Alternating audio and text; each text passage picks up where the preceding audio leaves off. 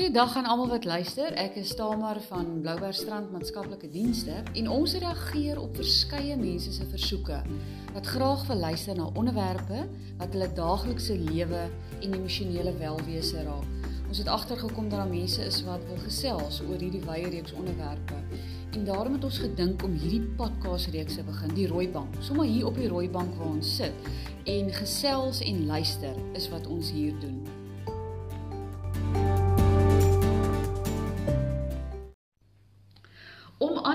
Help en 'n verskil te maak is verrykend vir almal wat hierby betrokke is, vir die wat gee en die wat ontvang. En behalwe dat dit die ander persoon help, maak dit jou ook gelukkig voel. En op so 'n manier word sterker gemeenskappe gebou. En 'n mens kan 'n verskil met jou geld maak, maar dikwels is iets meer waardevol, jou tyd, idees en jou energie. Nou gister het ons Vrouedag in Suid-Afrika gevier en die verskil wat vrouens in ons land maak. En Renet maak 'n verskil al vir jare lank. Haar gemeenskap ken haar almal so en dikwels in moeilike tye loop sy die ekstra myl met weerlose mense om hierdie verskil te wees. Dis so voorreg om met jou hieroor te kan gesels Renet vandag hier op die rooi bank.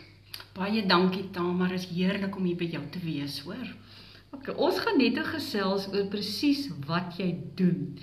Eers wil ek noem dat jy my nogal baie aan 'n Karoo bossie herinner. Jy weet Karoo bossies groei mos sonder water en vertoon dikwels groen. En baie keer kan ek nie help om te wonder hoe jy dit regkry nie. Hoe moeilik is dit vir jou om uit jou gemaksone te tree en ander se nood deel van jou bestaan te maak? Ja, Tamar, jy weet, ek was ook maar baie lank vasgevang in my eie gemaksone, hoor. Daai sone wat net gaan oor jou eie gemak en jou eie gerief en jy werklik eintlik bitter min 'n verskil maak.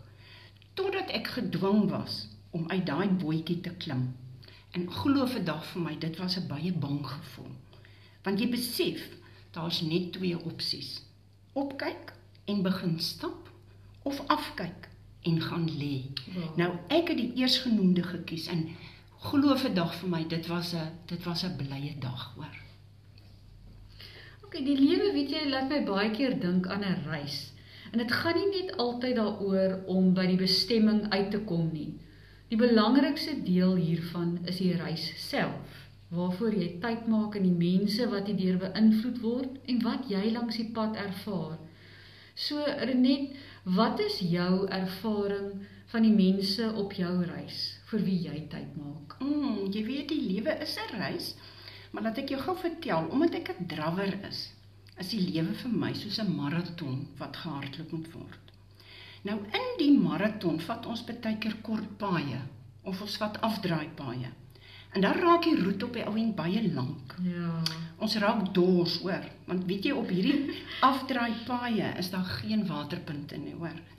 Ons raak moeg, want onthou nou raak die pad baie lank. En dit is op hierdie stadium, daai moeg stadium, dat mense verwys word na kruishuis toe. OK.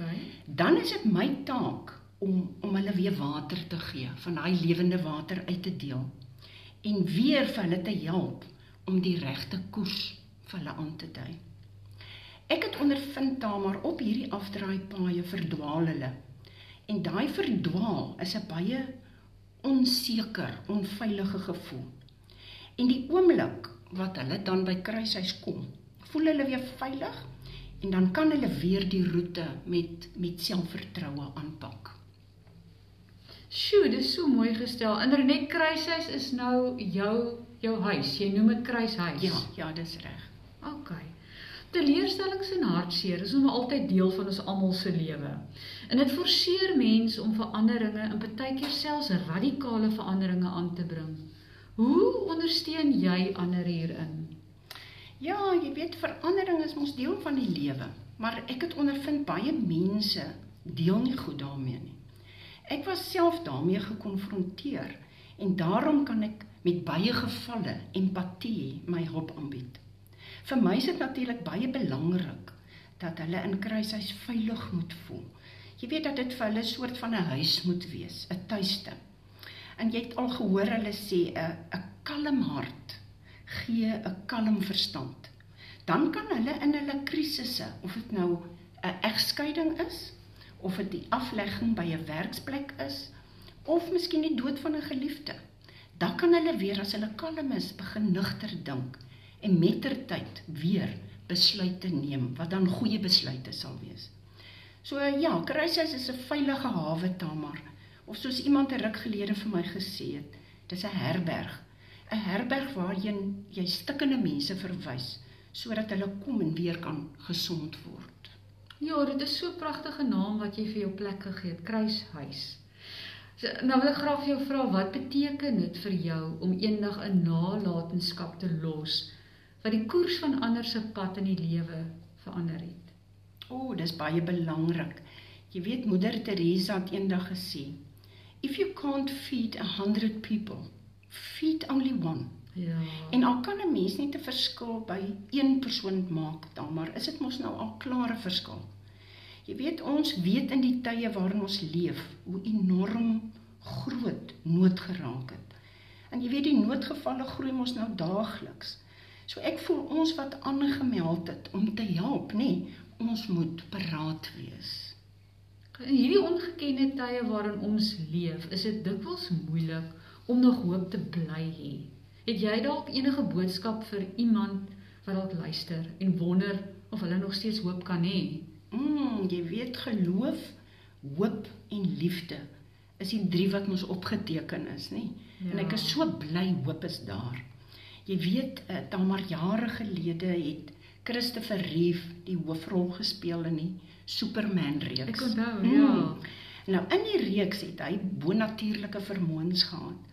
Maar ek onthou in 1995 het hy in 'n perdespring kompetisie van sy perd afgeval en hy het 'n kwadripleeg geword. Ja. Met ander woorde, hy was van sy nek af onder toe verlam. Nou in daai verlamde posisie het hy die volgende gesê. Hy het gesê once you choose hope anything's possible. En dit het vir my die deurslag gegee. Daarom sê ek vir jou vandag, ek moet vir mense die fakkel van hoop aan aangee want daar daar is nog baie hoop hoor. Sjoe, jy laat my dink aan met dit wat jy sê is daar is hoop wanneer mm. jy hoop kies. Ja. Dit is so waar. So waar. Vir iemand wat dalk luister en wonder hoe hulle verskil kan maak. Wat sou jy graag vir hulle wou sê? Ja, jy sien dan maar ek sou sê raak betrokke. Jy weet ons skuil agter hoë mure, geelektrifiseerde heininge en daar's groot sosiale afstande. Ja. Maar jy weet om gesig te wys, om iewers op te daag of om iemand op te tel of vir iemand iets te gee. Dis die verskil wat gemaak moet word. Jy weet ek sê altyd die veld is oop vir mense om betrokke te raak. Jy weet kruishuis benodig mos ook dit wat 'n gewone huishouding benodig. Dit sluit in van kruideniersware tot skoonmaakdienste. Ons het 'n elektrisiteitsverbruik of hulle kan betrokke raak by die inwoners wat en wat hulle benodig daar by kruishuis. Daar is byvoorbeeld bejaarde mense by kruishuis. Daar's heidaglik 3 werklose persone. So enige persoon is baie welkom om vir ons te kom kuier daar of hulle kan my gerus kontak as hulle betrokke wil raak iewers. Renet moet asseblief nie uit brandstof hardloop op jou reis nie. Jy inspireer ons almal met die passie waarmee jy die lewe aanpak. Baie dankie Tamar.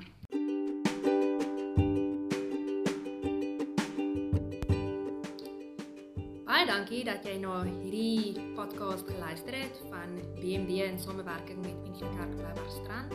As jy voorstelle het vir nog onderwerpe of vrae het, is jy welkom om ons te kontak.